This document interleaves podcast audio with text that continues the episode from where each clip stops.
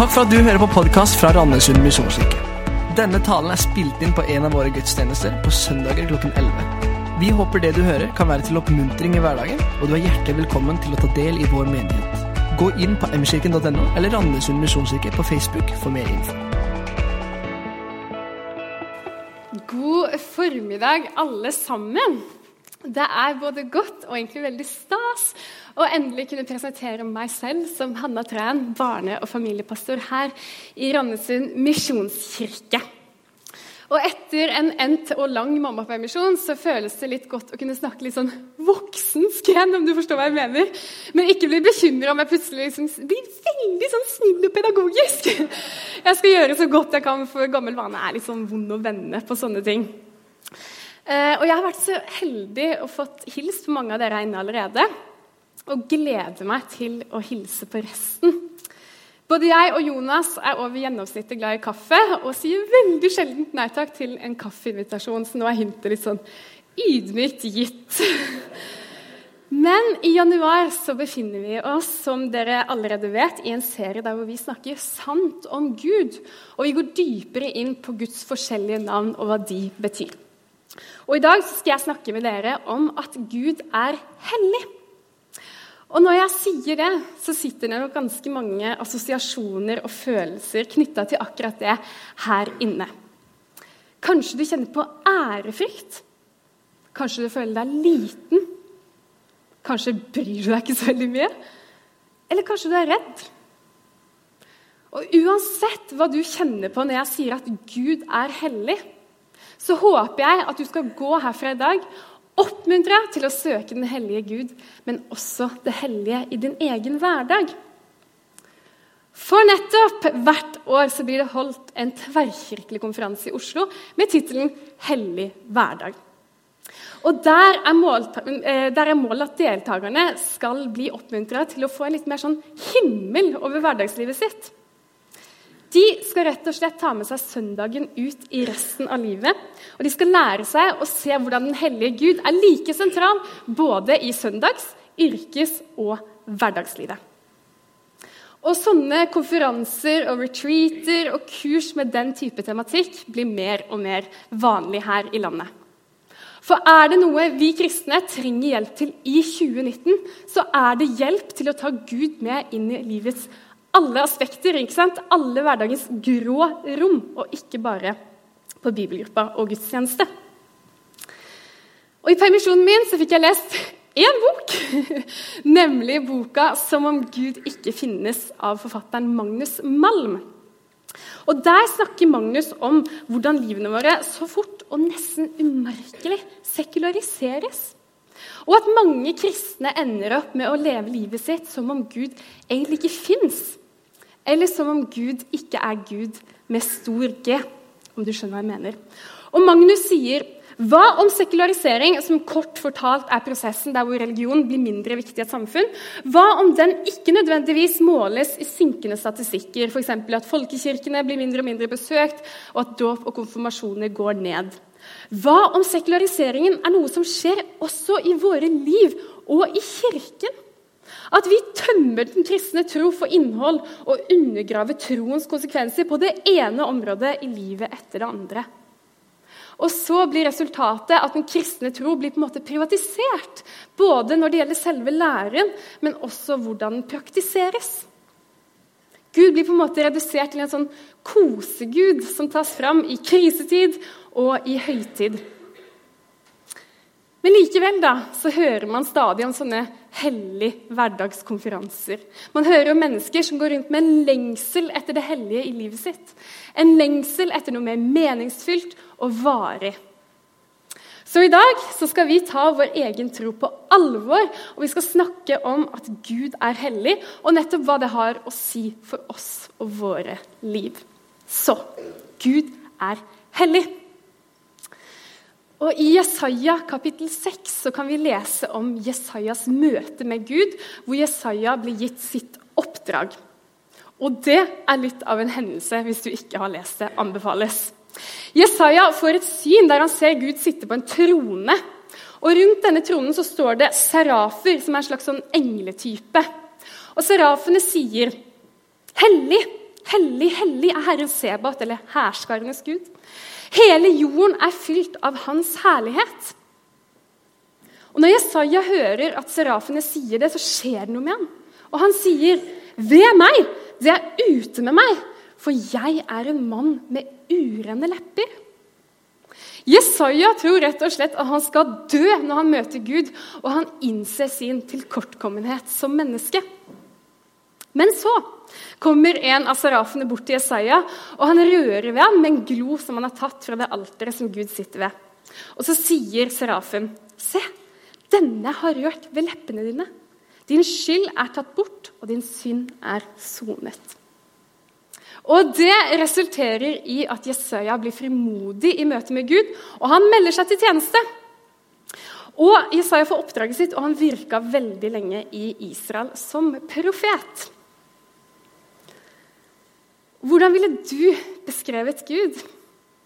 Snill og god, kjærlig, skummel, nær, fraværende? På dette spørsmålet så svarer Jesaja ordknapt, men likevel sterkt at hellig, hellig, hellig er Gud. Og Gjennom hele sin profettjeneste så tegner Jesaja et sterkt bilde av Gud som den eneste Gud, skaperen av alt, og den eneste som fortjener menneskets tilbedelse. Og det skjedde etter at han møtte Gud og fikk se hans hellighet. I Bibelen så er ordet 'hellig' brukt 1016 ganger, i hvert fall i den oversettelsen som jeg brukte. Jeg telte ikke. Men det viser oss på en måte viktigheten ved det ordet. Men jeg tror at ordet 'hellighet' er et ganske fremmed begrep, kanskje for min generasjon, men også den generasjonen som vokser opp i dag. I beste fall er kanskje ordet kjent, men jeg tror kanskje ikke alle vet hva hellighet betyr. Men blant en litt eldre generasjon mange av oss som er her inne, så er det nok ulike tanker om hva hellighet kan være. Noen tenker kanskje på hellighet som noe umulig. Andre ser for seg kanskje menigheter med store skylapper som lever i sin egen boble. Mens andre kobler sammen hellighet med sånn regler og forbud i en slags sånn forstørrelsesglasskristendom som har som mål å finne feil og mangler hos mennesker. Og hvorfor har det blitt sånn? Er det fordi at vi i mange menigheter er mer opptatt av hva vi kan gjøre for Gud, og hva Gud kan gjøre for oss, enn hvem Gud egentlig er? Den mest fullstendige beskrivelsen av hvem Gud er i Bibelen, er at han er hellig. Hellighet er ikke bare en av Guds mange egenskaper, men det er Guds navn. Gud er hellig i alt han er, og i alt han gjør. Og det er Guds hellighet som gjør Gud til Gud. Når vi skal fremheve noe i en tekst i dag, så bruker vi litt sånn, kanskje litt sånn kule skrifter. Vi bruker fetskrift, kursiver, understrekning.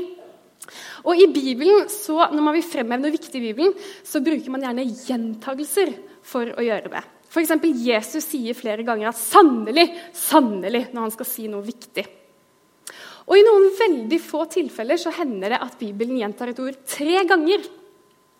Og Når Jesaja får møte Gud, så får vi høre at hellig, hellig, hellig er Herren. Og Ved å presentere seg som tre ganger hellige så viser Gud oss at alt det som sies om han, må forstås i lys av at han er hellig. Og Vi kan se mange måter som denne helligheten viser seg på i Bibelen. Og Du skal få høre fire av meg her i dag. Og Det første er at Gud er opphøyet og adskilt. Ordet 'hellig' på latin er sanctus, sanctus, som kommer av et ord som betyr å kappe av eller å skjære bort. Og Det brukes f.eks. om slakteren som skjærer noe av et kjøttstykke. Og Kanskje det også er bakgrunnen for ordet 'hellig' på hebraisk, som vi finner i Det gamle testamentet, nemlig ordet 'kadosh'. Jeg vet ikke om det er sånn man uttaler men kadosh. Og Det ordet prøver å formidle til oss hvordan Gud er forskjellig fra det mennesket og univers som han har skapt. Og Kadosh kan forklares som å både være utskilt og skåret av, men også som å tindre og være ekstra klar. Kanskje i motsetning til det som er litt sånn hverdagsgrått. Så Gud er opphøyd og adskilt fra sitt skaperverk. Men han er også en ukrenkelig majestet. Hellighetsbegrepet det fins i de fleste religioner, så det er ikke noe som er særegent for den kristne tro. Men det er likevel en forskjell. I andre religioner så står hellighet for en upersonlig, etisk nøytral, kanskje til og med farlig kraft som kan fylle gjenstander eller personer. Og for så sier man enkelte steder at noe er tabu, som betyr at man ikke kan komme nær et sted eller en gjenstand, for at nettopp helligheten har tatt bolig der. I Bibels sammenheng så kommer derimot alt som er hellig, fra en personlig Gud. En Gud som vil det som er godt og rett i kommunikasjon og samhandling med mennesker. I de eldre delene av Det gamle testamentet så møter vi tekster der hvor Gud på en måte krever respekt for hvem han er. Når Gud gir sine ti bud på Sinai, så sier han at han alene skal dyrkes og tilbes som den som er opphøyd over alt som er skapt i himmelen og på jorden.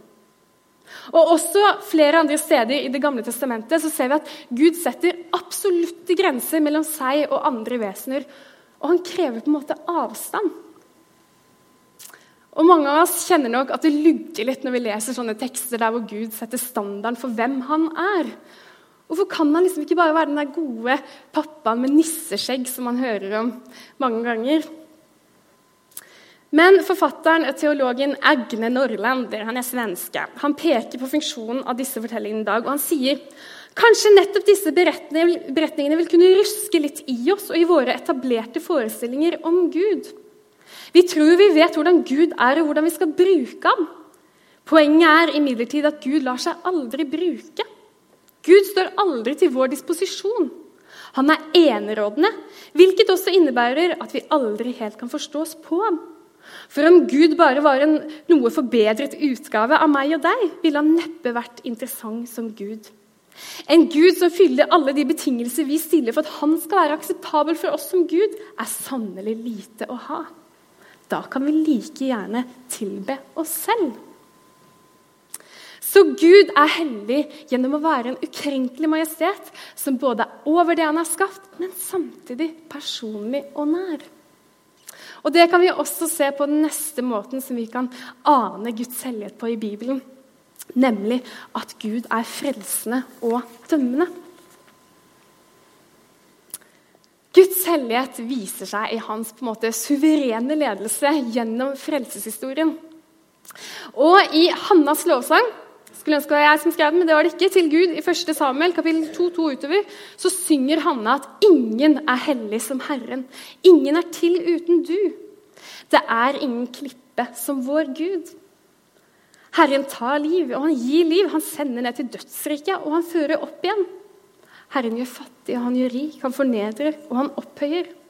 Han reiser den svake opp av støvet og løfter den fattige fra dyngen.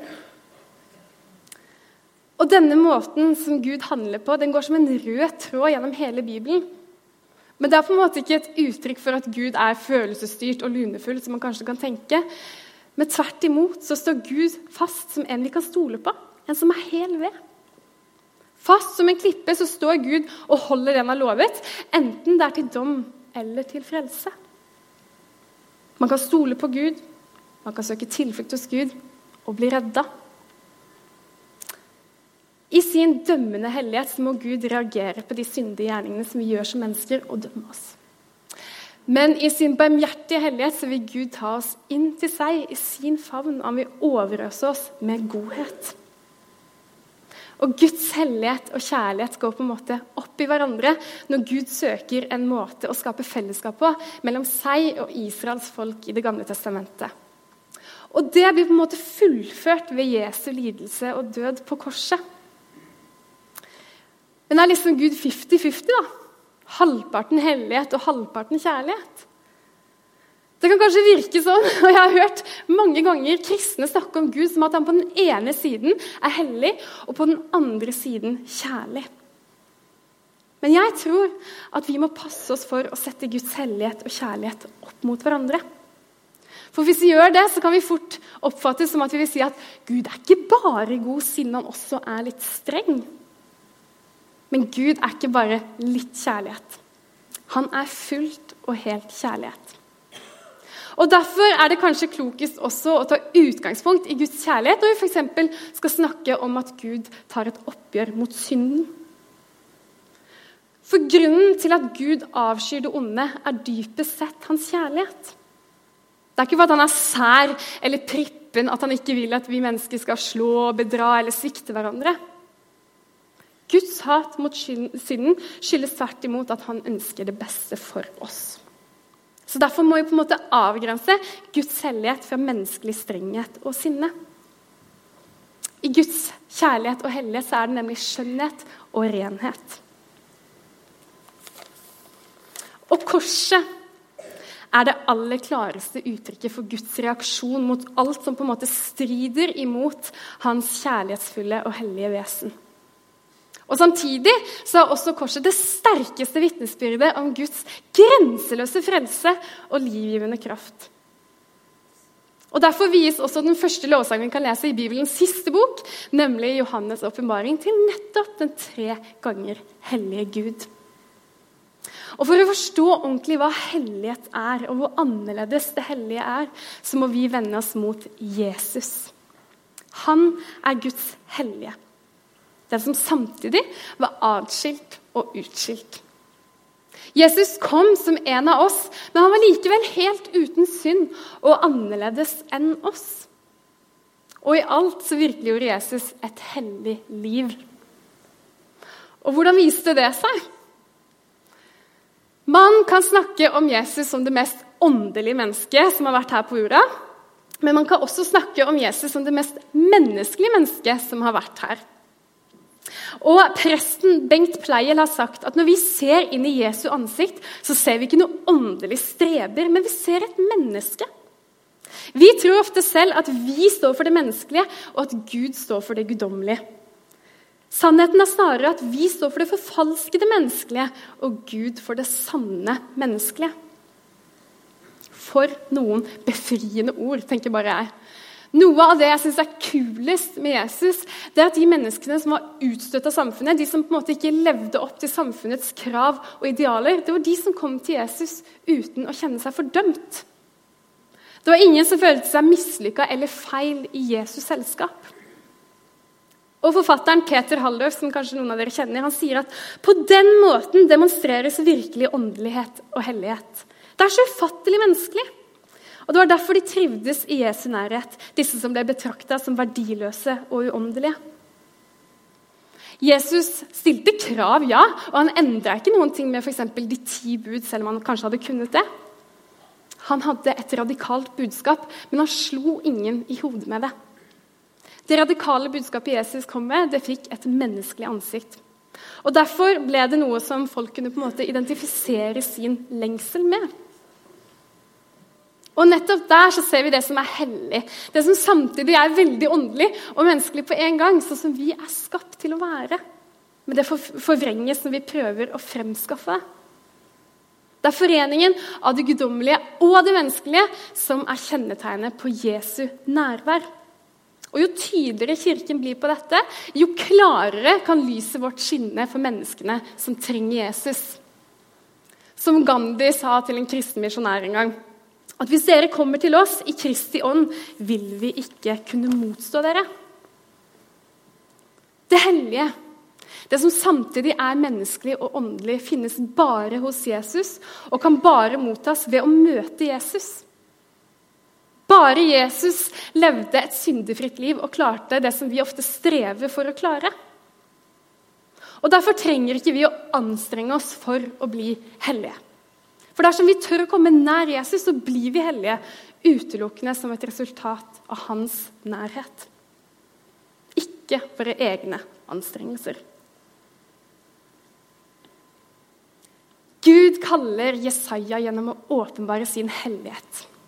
Og han møter ham med nåde og ikke sinne og skremsel.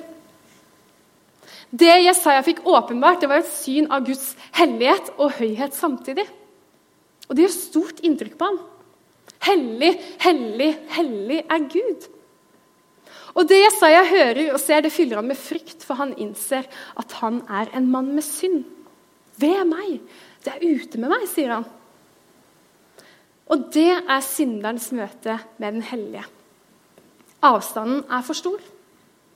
Og mange av oss har kanskje kjent på den avstanden til Gud også. Men Jesaja opplevde det mange av oss forhåpentligvis også har fått oppleve, nettopp at Den hellige møter oss med nåden. Din skyld er tatt bort, og din synd er sonet. Og der har du evangeliet, gitt til oss gjennom Jesus Kristus. Og som Paulus sa det så fint i en annen sammenheng, at der synden ble stor, ble nåden enda større. I den apostoliske trosbekjennelsen, som det så fint heter, bl.a. Eh, trosbekjennelsen vi, som vi fremsier i Den norske kirke, så lyder den siste delen Jeg tror på Den hellige ånd, en hellig, allmenn kirke, de hellige samfunn, syndenes forlatelse, legemets oppstandelse og det evige liv. Amen. Betyr det at vi er hellige? Når vi som kirke og når kristne blir kalt hellige i trosbekjennelsen, så betyr det at vi også er skilt ut fra verden og innviet til Gud. Og Det nye testamentet beskriver flere ganger kristne som hellige. Bl.a. Paulus når han i begynnelsen av 1. Korinterbrev skal si en hilsen til menigheten i Korint. Han sier jeg, Paulus, han sier masse, men jeg, Paulus, hilser Guds menighet i Korint, dere som er helliget i Kristus Jesus og kalt til å være hellige sammen med alle som på hvert sitt sted påkaller vår Herre Jesu Kristi navn. Og Denne måten å snakke om kristne som hellige på kan vi se flere ganger hos Paulus i Det nye testamentet. Og blant annet Kroppen vår kalles faktisk for et tempel for Den hellige ånd i 1. Korinterbrev kapittel 6. Og jeg føler meg sjelden spesielt hellig. Og minst hellig føler jeg meg paradoksalt nok ofte rett før jeg skal i kirka. Kaffekoppen slukes litt for varm eller litt for kald, og det ropes fra den ene enden av huset til den andre. 'Har vi huska stelleveske?' 'Men du må forte deg! Du kan ikke sjekke Premier League nå.' Eh, og så drar vi, da. Litt sure og litt stressa. Og sånn er jo hverdagslivet også. ikke sant? Tidvis grått og uten noe spesielt pen utsikt. Hektisk, men samtidig sjarmerende og fantastisk på en gang. Og midt oppi de livene som vi lever, så blir vi kalt hellige.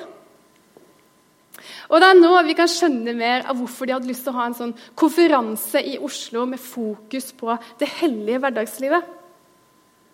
Ordinære mennesker som ønska å ta på alvor at de faktisk blir kalt hellige ved å tro på en tre ganger hellig Gud. Og Teologien snakker om det her som helliggjørelse, som rett og slett er eh, det som skjer med oss, eller i oss, når vi tar imot Jesus. Og det handler om å bli stadig mer prega av Jesus og hvordan han er.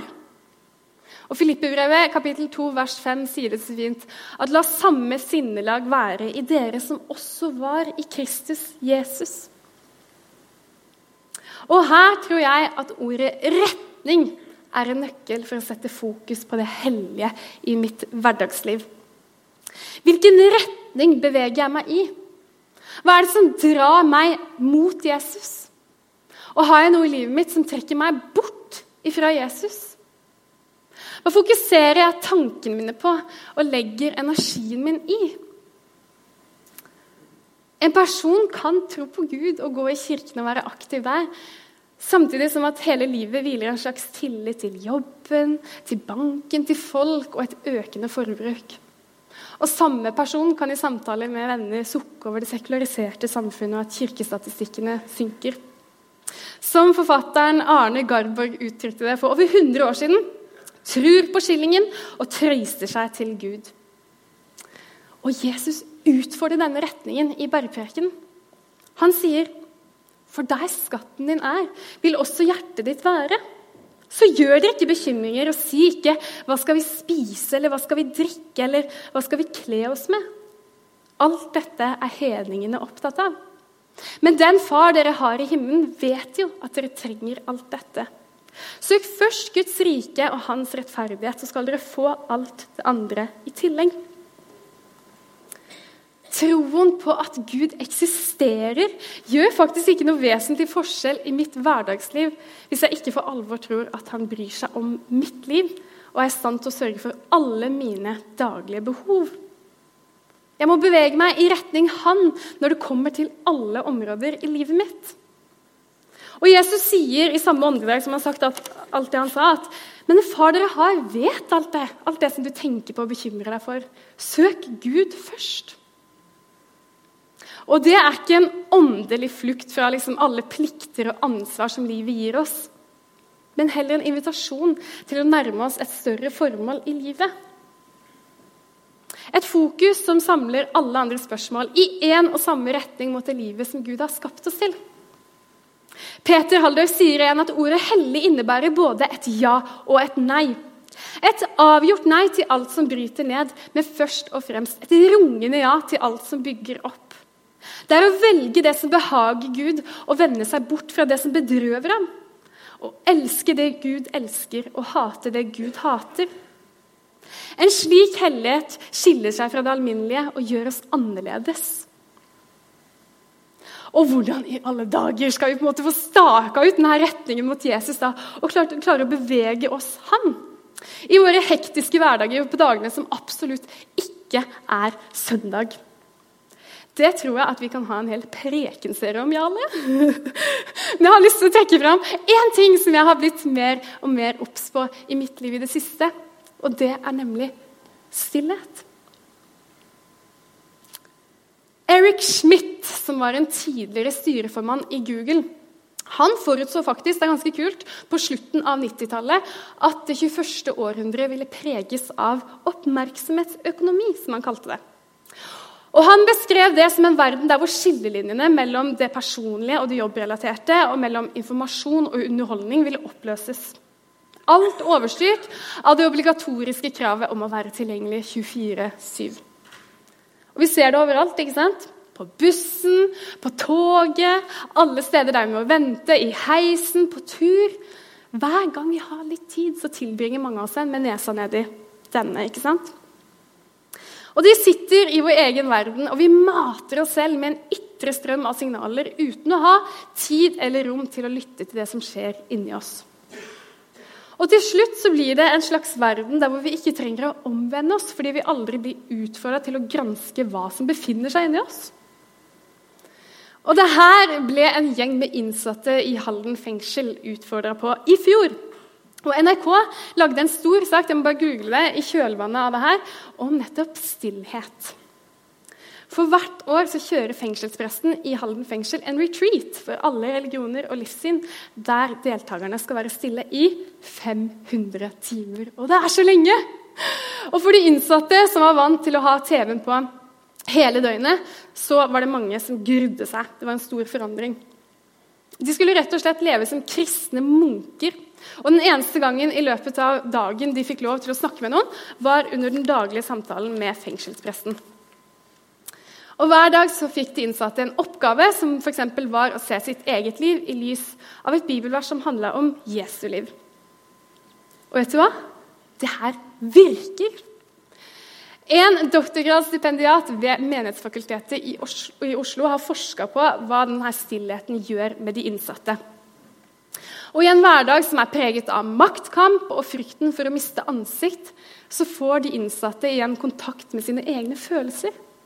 Og samfunnet i fengselet preges av omsorg, av medmenneskelighet og kjærlighet. Og De innsatte gir hverandre f.eks. en klem hver dag, og det er ganske utrolig i et fengsel. Og En av grunnene til at dette virker, sier han forskeren, det er at i stillheten kan man ikke rømme fra seg selv. Da må man kjenne på det som rører seg på innsiden. Man må lære seg å lytte innover, og ikke bare utover. Og Det kan virke skummelt og fremmed når man hele tiden er vant til å få input fra utsiden. Men vet du hva? Bare fire minutter stillhet hver dag sier forskning, kan gjøre underverker i menneskers liv. Og Det kan vi også knytte opp mot vår kristne tro. Tormod, som dere ser på bildet her, han sier at det som i retreaten gjorde mest inntrykk på ham, det var da de skulle skrive ned syndene sine på et ark. Og det ble en lang natt, og fire fulle av fire sider seinere så putta Tormod disse arkene oppi en konvolutt.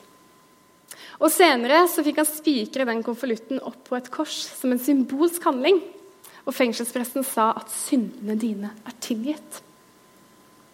Og Tormod sier at etter det så har han blitt et bedre menneske. I stillheten kan vi gi æren tilbake til Gud. I stillheten så kan vi lytte til Jesus' stemme, vi kan be, vi kan få kjenne på våre egne følelser og tanker og behov. I stillheten så får vi være både menneskelige og åndelige, og vi får en liten hellig stund i hverdagen. Og jeg utfordrer deg. Fire minutter stillhet hver dag. Det tror jeg alle her inne kan klare. Og I forkant og kanskje etterkant også, hvis du er litt sprek av denne stillheten, så kan du gjerne be litt eller lese et bibelvers. Og Det virker kanskje ikke som store greiene, men jeg tror likevel at når vi beveger oss i retning mot Jesus i hverdagen vår, så vil store ting skje. Magnus Malm sier å bli hellig handler om betingelsesløst og fullstendig uten selvhevdelse å legge seg i Guds hender for å la Hans vilje skje med resten av sitt liv. Og her er kristendommen i sin opprinnelige betydning. Det er Gud som handler, og vi blir behandla. Det er det som er nåde. Målet for Guds arbeid er at vi skal formes etter Jesus. Og Det betyr at vi verken kan forstå eller oppnå vårt mål som kristne uten å innse hva hellighet er. Hellighet er ikke et resultat av hva vi gjør for Gud, men hva Gud gjør for oss. Og Når vi prøver å gjøre jobben selv, da kommer forventningene, kravene og idealene og vi blir motløse. Da blir liksom hellighet noe som er påtvunget. Men la Den hellige ånd få lov til å ta bort det i ditt liv som drar deg bort fra Jesus, og erstatte det med noe som gjør at du kan nærme deg Han. Hvem er du, Herre? er Paulus første spørsmål når han møter Jesus. Og Det er kanskje det viktigste spørsmålet vi kan stille. Gjerne i stillheten. Og kanskje kan vi, sånn som Jesaja, få øynene opp for at svaret 'hellig, hellig, hellig' betyr noe utelukkende positivt. Og Da kan kanskje et hellig liv vokse fram som et svar på nærværet fra den hellige Gud. Amen.